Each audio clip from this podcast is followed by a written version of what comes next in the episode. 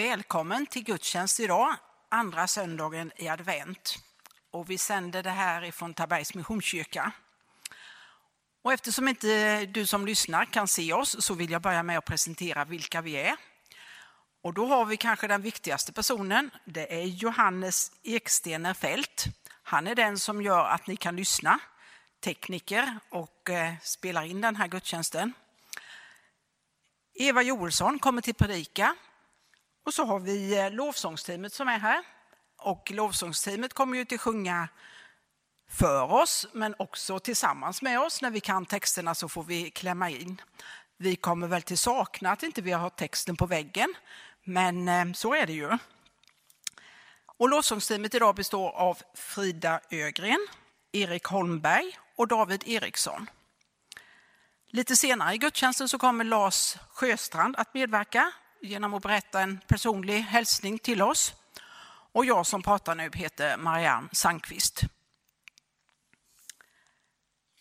Jag vill börja med att läsa ett bibelord och det bibelordet är hämtat ifrån psalm 9.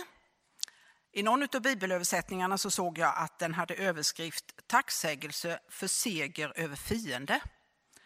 Och det är klart, fiende kan vara olika saker för oss och kanske olika saker var vi befinner oss i livet.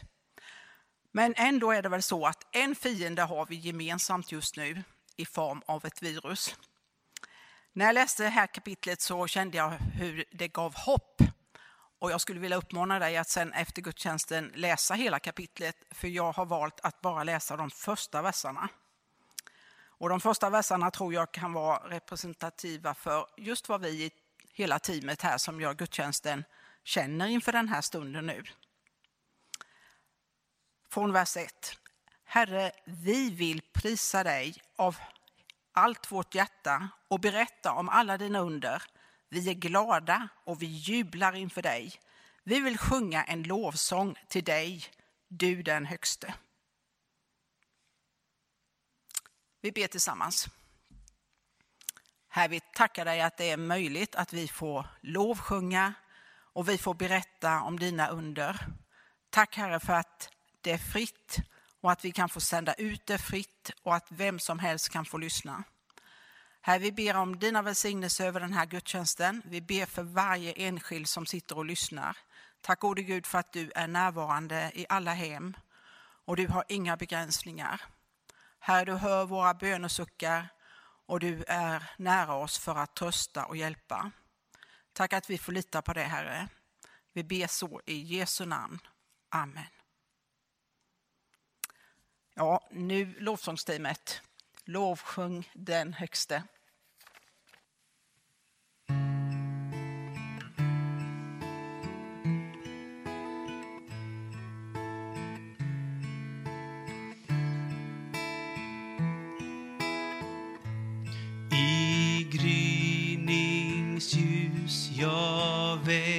Till dig.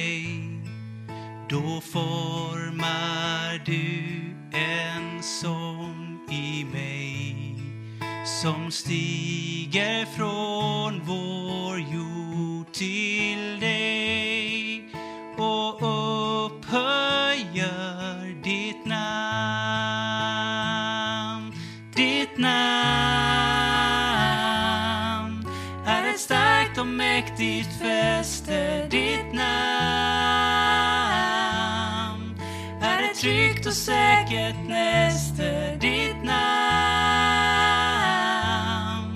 Låt det sjungas ut bland folket, för inget annat rädda oss kan.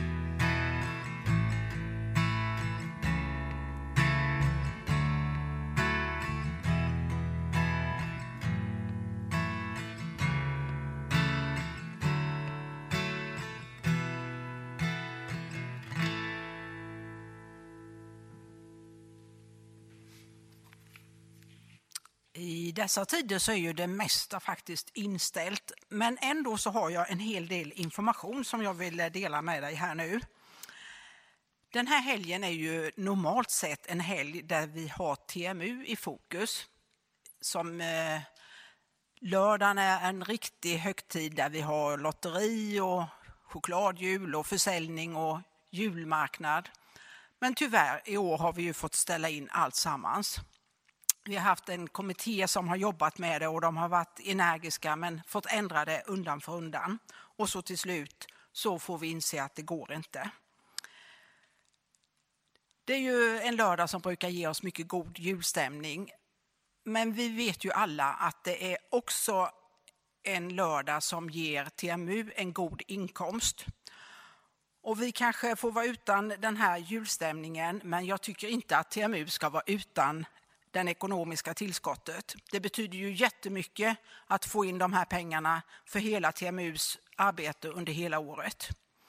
Så därför vill jag nu vädja till dig att du ger ett rejält offer för vår barn och ungdomsverksamhet. Och självklart så vill jag också säga att eh, församlingen behöver också våra gåvor och det är vårt gemensamma ansvar att offra. Nu är det så smidigt att eh, den här gången när du eh, betalar in din gåva så kan du skriva på meddelandet att så mycket vill jag ge till TMU och så mycket till församlingen. Och så kan du skicka det till församlingens antingen swishnummer eller postgironummer eller bankgironummer och sen löser det sig. Eh, bara du uppger summorna som du vill ge till de olika. Men jag vädjar att eh, du tar ett rejält tag den här gången. Du hittar ju givetvis de här numren i missionsbladet. Det har vi alldeles nyss fått. Och titta då i missionsbladet och inte på det lösa bladet eftersom det blev ett litet, en siffra fel där på det bladet. Så titta i missionsbladet eller på vår hemsida. Där hittar du det. Det här året har vi gjort en eh, väldigt trevlig satsning här i vår församling. Vi har byggt upp en julkrubba ut, utomhus. På Solgården här ute finns det en jättefin eh, julkrubba i naturlig storlek med Josef och Maria och Jesusbarnet. Och det är scouterna som har byggt upp det med ett vindskydd och det är belysning på det kvällstid. Eh, det är byggt för att man kanske skulle kunna locka hit någon av förskolorna eller kanske någon skolklass som kan göra det som ett studiebesök. Eh, men eh, jag skulle vilja uppmana dig att ta en promenad och titta på detta. Det är faktiskt jättetrevligt. Eh, du kan gå dagtid eller kvällstid, det är lika mysigt vilket som. Och så när du står där på Solgården så ser du också in i fönstret i Bergsgården att vi har vår julkrubba uppsatt. Den som brukar normalt sett stå här framme i kyrkan med de fina handgjorda figurerna, den är uppsatt där. Och så har man möjlighet att läsa lite texter och gå runt. Mycket, mycket trevligt. Sen tror jag att vi allesammans eh, har förstått och sett att vi sänder adventskalender härifrån vår församling. Eh, det är också på hemsidan som du kan gå in och hitta det. Eh, en jättetrevlig adventskalender där olika församlingsmedlemmar ger en hälsning varje dag. Varje dag fram till jul nu. Det har ju redan hunnit vara några dagar och det har varit jättetrevligt på olika sätt och på olika sätt att framföra det och det är så berikande. Så det måste du titta på. Det finns också möjlighet för barnen att se en annan version av adventskalender som missionsorganisationen Shalom har spelat in. Och jag får väl medge att jag tittar jättegärna på den också.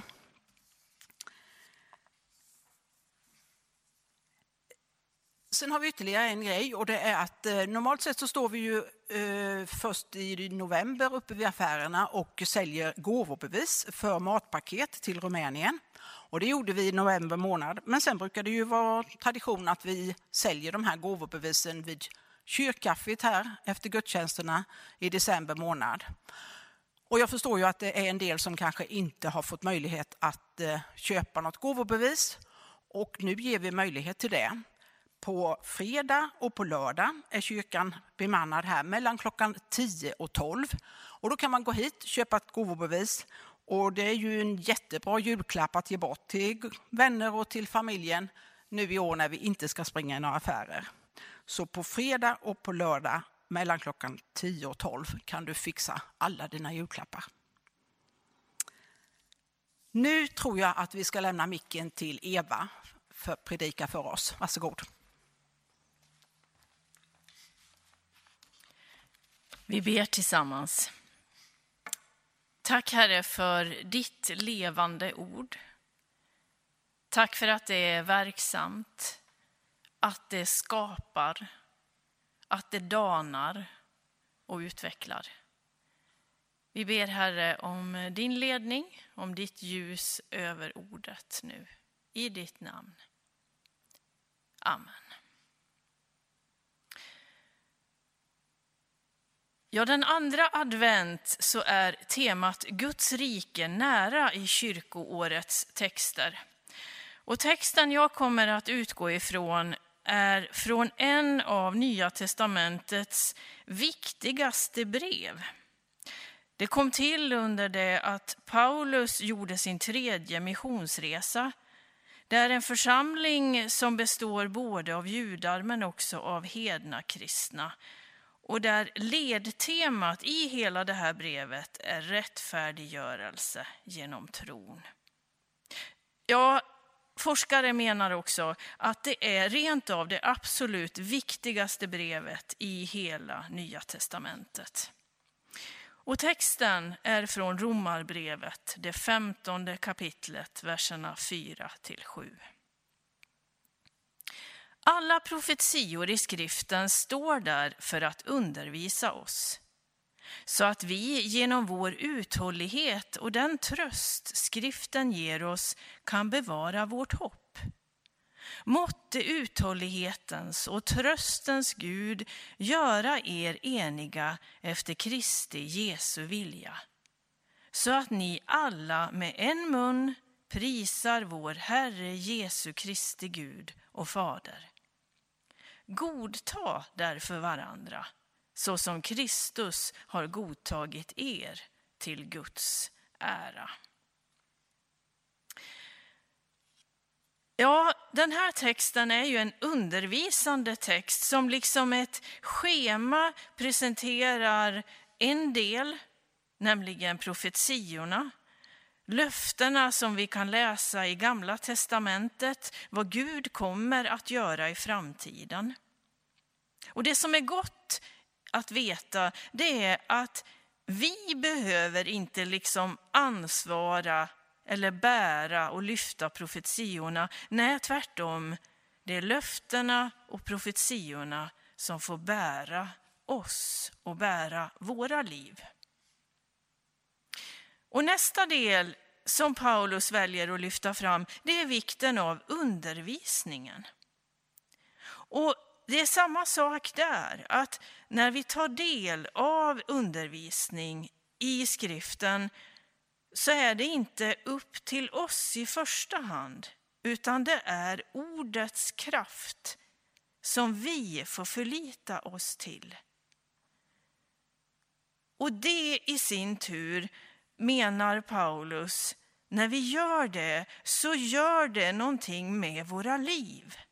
Det leder till uthållighet och att vår tro bevaras. Man kan alltså se det kristna livet som en process där det börjar med att vi tar till oss undervisning, profetiorna. När vi läser så omdanas vi och det är en process som leder till att faktiskt vår karaktär förändras. Vi får en uthållighet.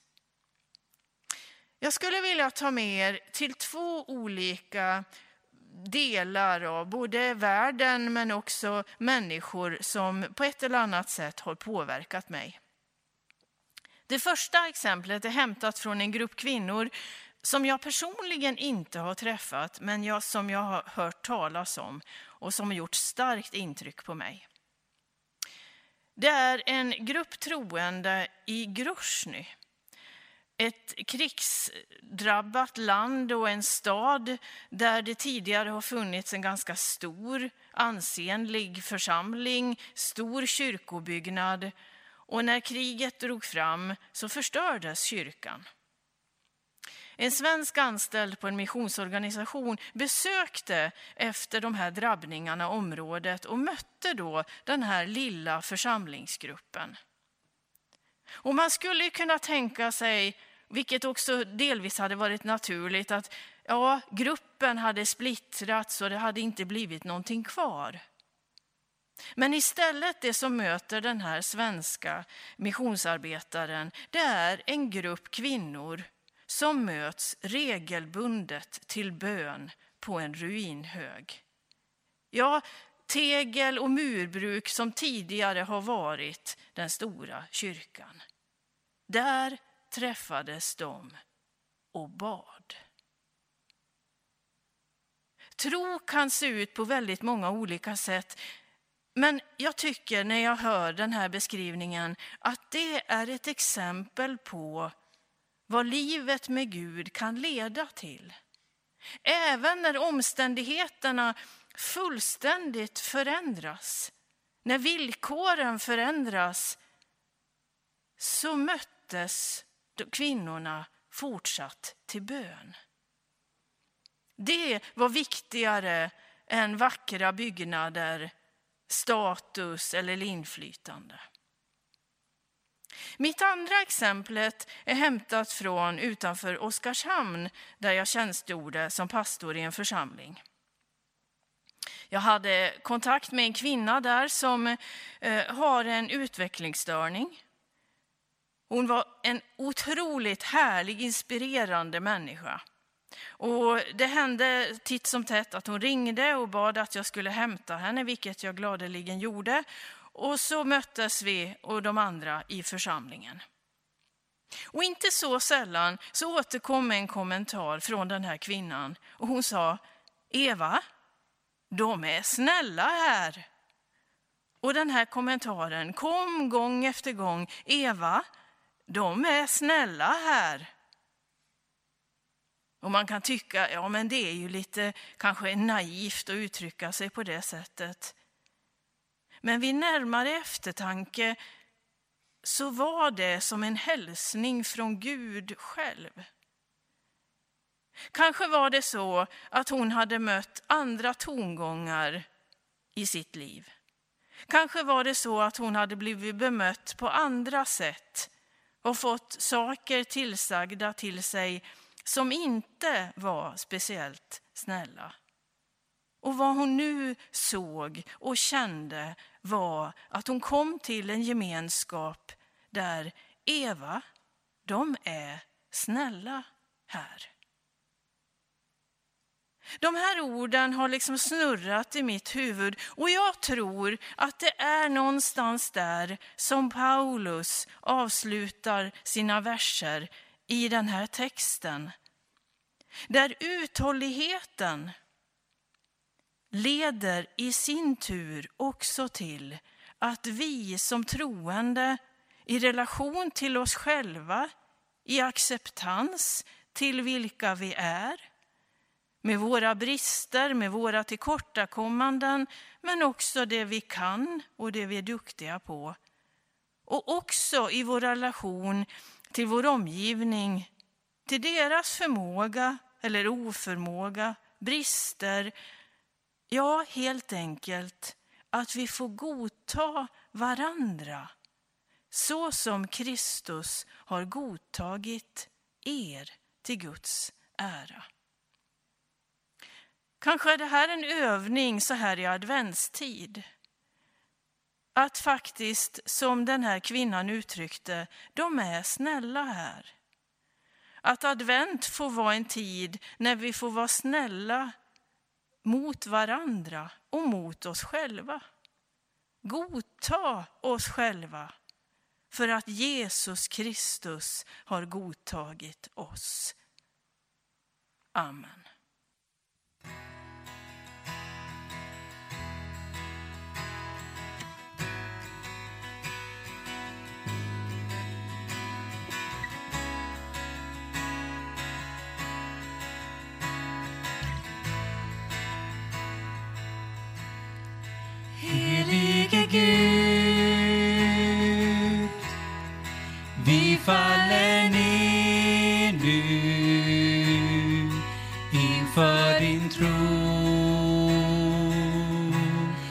Bekänner ditt namn.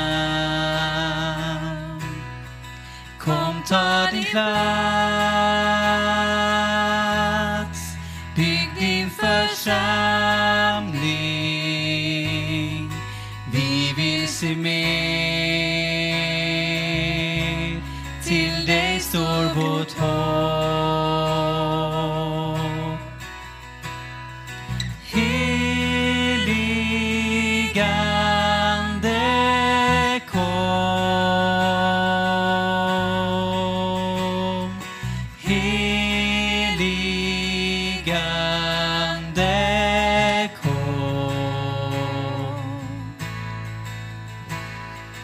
Heligande kom. Heligande kom.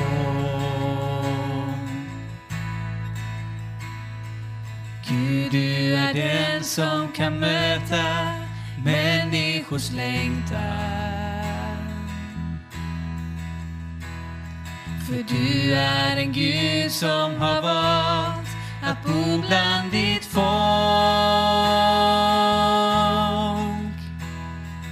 Dig kan vi frimodigt söka med stor förväntan. Helige Ande kom och fyll våra hjärtan.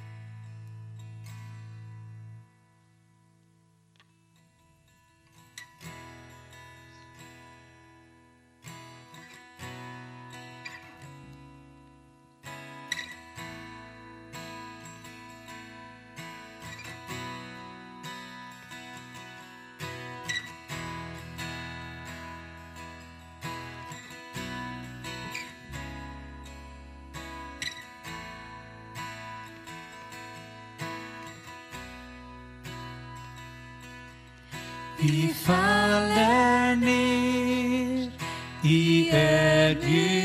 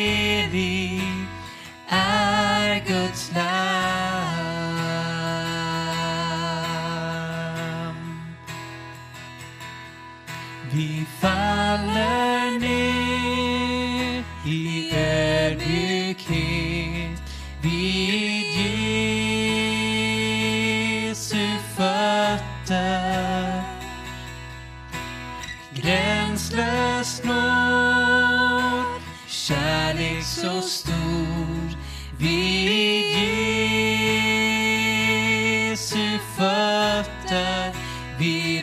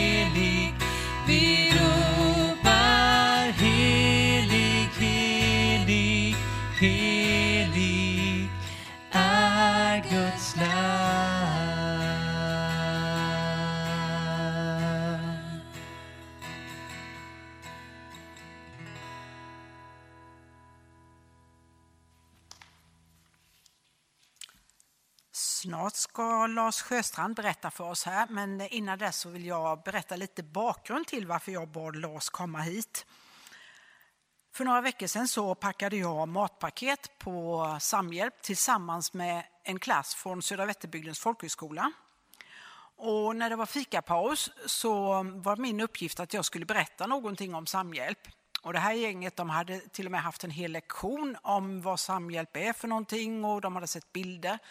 Så det var bestämt att jag skulle berätta lite eh, speciella händelser, eh, Guds under som har skett. Och det gjorde jag med liv och lust. Jag berättade tre berättelser och det var lite bråttom och det kanske gick lite fort och den ena efter den andra lite staplat på varandra. Och när jag var klar så är det en av killarna i gruppen som eh, säger så här. Upplever du att du får bönesvar alltid?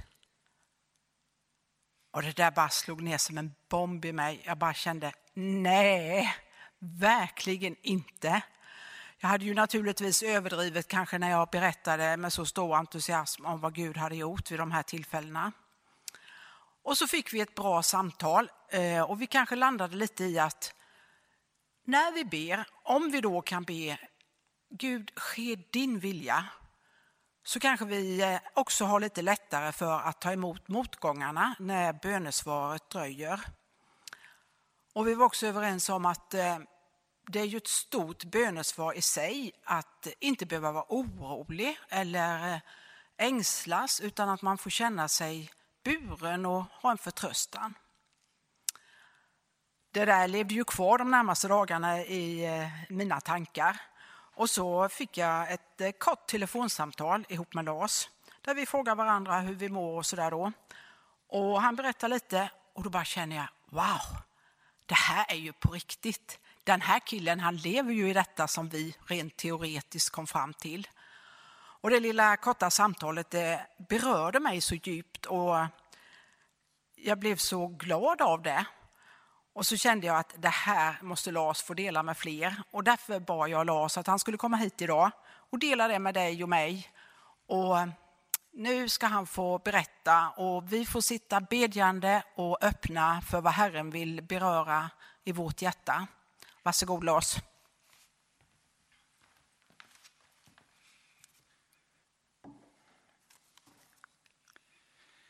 Fredagen den 26 april förra året så fick jag och min fru Åsa beskedet att tumören som redan hade konstaterats i tjocktarmen på mig inte var ensam i min kropp.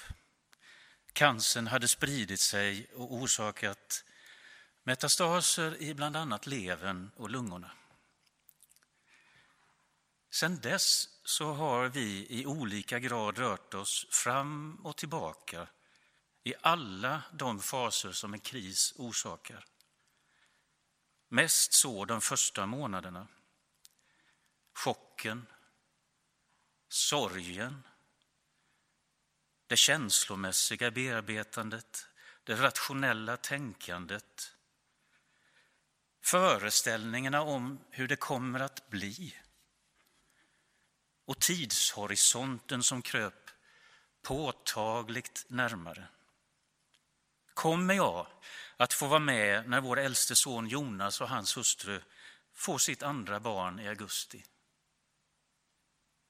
Får jag vara med om en jul till? Idag vet jag så mycket att jag har sett Ludvig bli ett år. Jag är på väg att få fira även en andra jul efter att livet ställdes på ända fastän den i år blir annorlunda för oss alla i coronapandemins grepp. Nu närmar det sig två år sedan allt började. Tidens horisont har faktiskt flyttats framåt. Jag har fått leva vidare så här långt. Leva. Åsa och jag har redan från början varit på det klara med att det bästa och rätta vi kan välja är att leva och ta vara på livet och inte gräva ner oss i att jag är sjuk.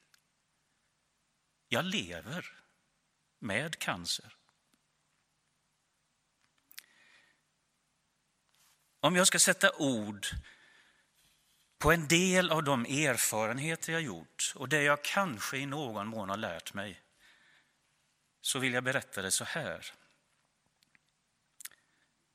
Jag har fått tid.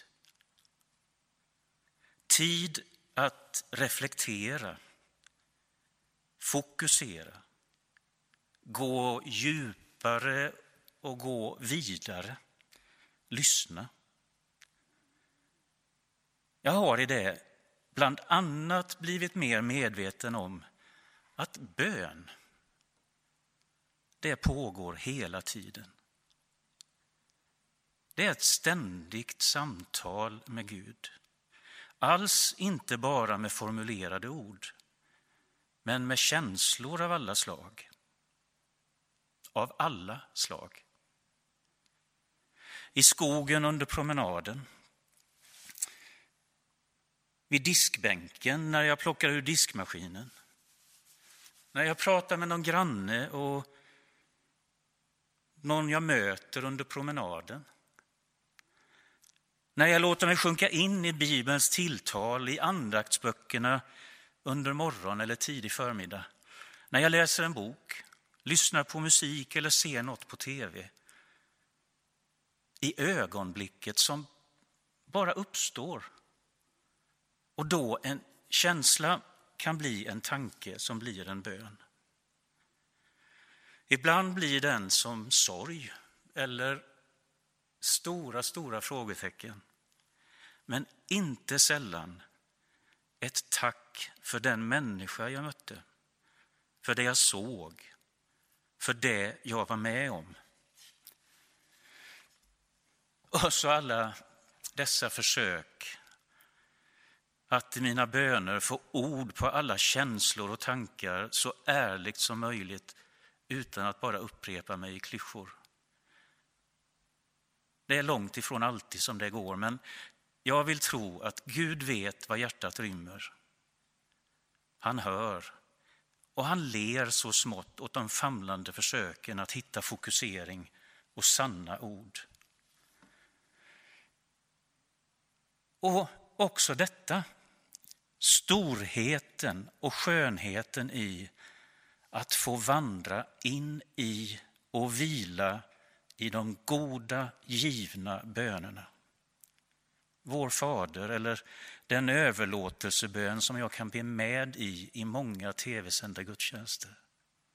Skrivna böner i en bok. För de givna bönerna de öppnar mig för att längtan efter Gud och hans rike är något som jag delar med oändligt många systrar och bröder genom tid och rum. Och där är en annan erfarenhet. Jag har, så konkret det kan bli, upplevt att jag är invävd i en väv av människor som är mycket större och vidare än jag vanligtvis ens har varit i närheten av att tänka på. I väven träder människor som jag mött i tid och rum under 60 år påtagligt fram. Och jag ser att jag är rik på människor. Människor som bryr sig om, som hör av sig, som delar, som bär och ber i all sin egen begränsade mänsklighet. Människor från olika sammanhang, från olika kyrkotraditioner. Vänner som inte går särskilt ofta eller alls till kyrkan. Från alla håll har jag hört ord i möten eller på telefon eller fått se ord eller symboler i sms och messengermeddelanden som berättar om goda tankar, förböner, delaktighet. Och jag har på ett större vis blivit varse att Gud på många sätt rör sig genom alla möjliga människor. Berör genom människor. Ytterst och innerst i denna väv finns en större hand som bär och som agerar. Som hjälper oss att bära varandra och att vara delaktiga i varandras liv. Ett exempel på detta bland flera som oväntat lyste fram är min frisör och vän Affe. Förra året, i början av sommaren, så tog vi oss tid att först prata en stund innan håret fick sitt. Och jag berättade då hur det blivit för mig och vi samtalade om livets sårbarhet. Nästa gång jag kom dit, i augusti vill jag minnas, pratade vi igen. Affe, som är syrisk-ortodox, säger då, och hans ord gjorde mig så oväntat varm och glad. Du ska veta att jag och min fru har bett för dig varje dag. Och de har burit mig med sig i böner till sina gudstjänster och mässor. Och så blir jag bit för bit varse att det alls inte bara är jag själv, mina nära och kära, min egen församling som bär och ber. Det är vänner, bekanta, arbetskamrater, människor jag själv inte har mött i olika svenska frikyrkor, i syrisk-ortodoxa, rumänsk-ortodoxa, katolska, svenska kyrkans sammanhang och människor som inte är aktiva eller med. Men så finns förstås den här frågan om svar på bön hos oss människor. Vad är svar på bön? Vad sker egentligen i bönen? Ibland ges människor konkreta svar. Och självklart önskar jag och ber jag tillsammans med människorna i väven att jag skulle få nåden att bli frisk. Något annat Ja, det vore i det närmaste omänskligt heroiskt. Men erfarenheten har steg för steg sagt mig att bön också innerst är samtal. Med eller utan ord. Lyssnande, beredskap att bli berörd och formad. En väg att låta Gud bit för bit öppna mig och mitt liv för tacksamhet och tillit. Att vänd till Gud ge mitt ja till honom. Att göra det han vill. Att med hans hjälp kunna öppna ögonen för det sköna och för det vackra, för att se det stora i det lilla. För att se att det finns fortsatt och djupare planterad glädje i livet. För att bli varse att människoväven finns. För att se att livet är skört och att det sårar oss alla förr eller senare. Och att medmänniskan med sina behov är min nästa. Så vad jag kan med ord säga om svar på bön i mitt liv nu, det är nog detta. Jag har fått nåden att i grunden leva med djupare tillit till Gud, mitt i det som är min situation. Lugn, frid om du så vill. I alla fall hittills och just nu. Det finns en grund i djupet som något att stå och gå på. Där jag är buren av Gud och av människor. Visst finns det där rötter att snubbla på. Små och stora stenar att stöta i och slå sig på. Ja, det kommer stunder och situationer då det blir dunklare. Då sorg, ovisshet eller oro tar och tär. Men ändå ligger grunden kvar. Och jag kan åter resa mig och gå vidare. Detta är för mig, i alla fall hittills och just nu, vad Gud skapar genom bön i det som är mitt liv. Och så tacksamheten över livet jag fått, över människor i mitt liv, när och fjärran, nu och då. Över sjukvården, över skapelse och kyrka. I de böner som jag formulerar med ord, trots allt, finns nästan alltid en strof ur en av Margareta Melins böner. Gör mig sådan du vill ha mig.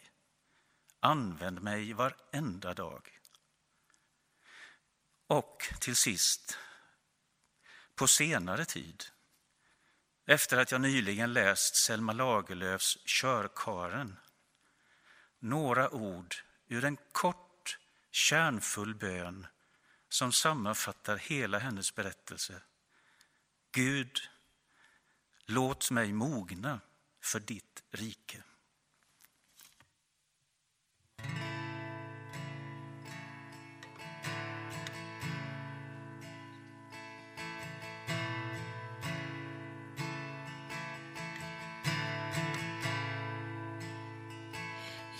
Älskar dig. För din nåd ska aldrig svika. Alla dagar är jag buren i din hand. Från den stunden när jag vaknar Tills jag lägger mig igen Vill jag sjunga om din godhet min Gud. Har alltid varit trofast. Du har alltid varit god, så god.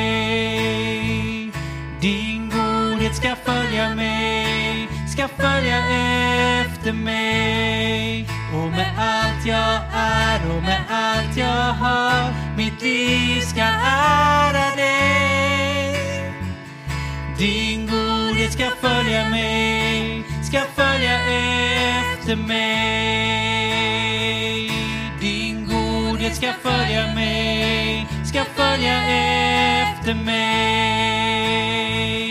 Din godhet ska följa mig, ska följa efter mig. Och med allt jag är och med allt jag har, mitt liv ska ära dig.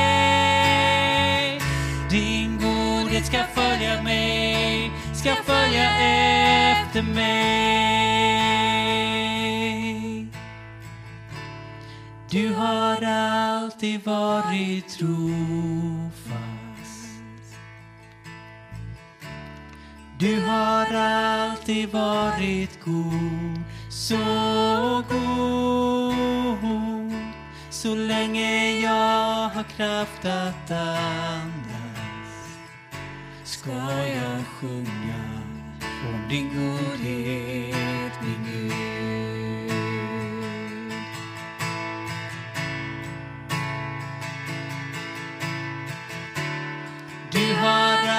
Alltid varit trofast.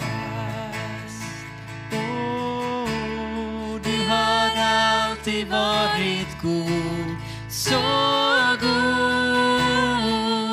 Så länge jag har kraft att andas ska jag sjunga om din godhet, min Gud. Ska jag sjunga om din godhet, min Gud. Ska jag sjunga om din godhet, min Gud.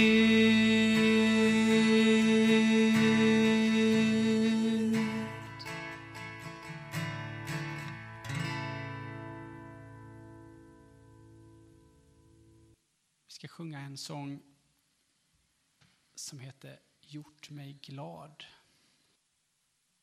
Den handlar om att hur livet än ter sig och i livets alla skeden så kan vi förtrösta på Herren. Du är min sköld, min borg, min styrka, min befriare, min herde, min tillflykt, min hjälp i nöden, väl beprövad. Jag vill alltid lova Herren. Jag vill lita på hans ord.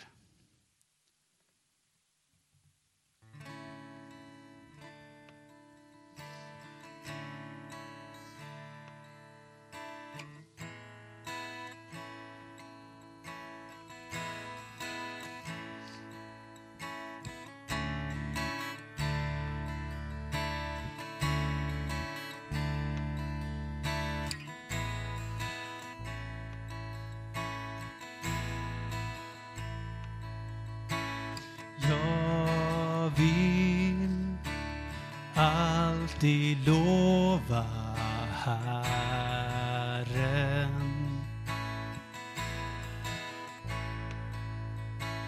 Jag vill lita på hans ord.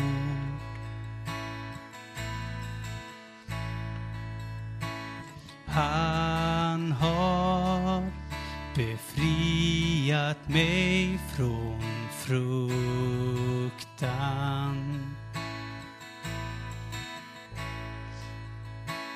Han har ställt mig på sin fasta grund.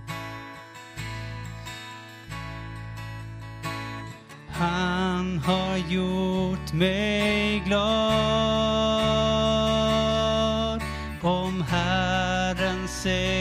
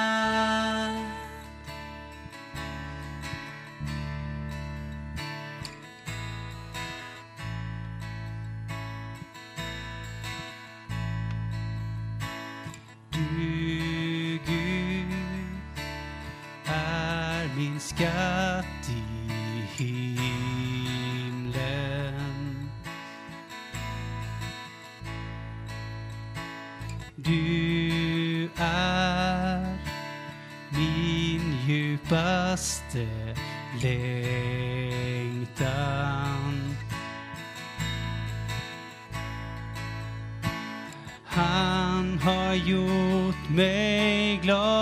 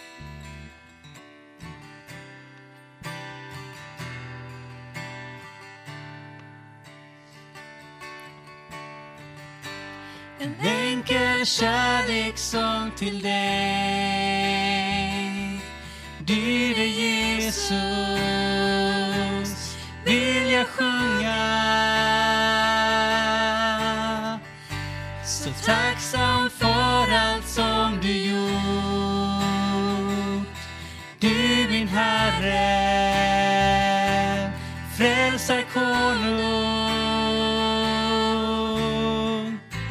Mitt hjärta gläds när du kallar mig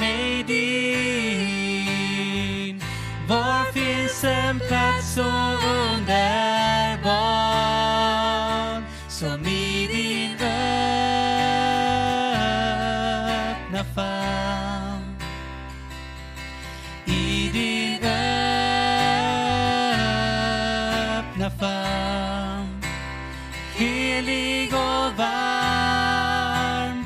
Himlen jag fann I din öppna famn.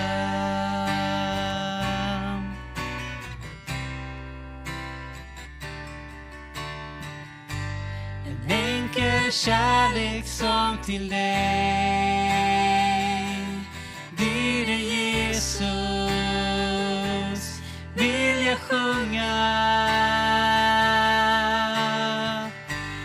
tacksam för allt som du gjort.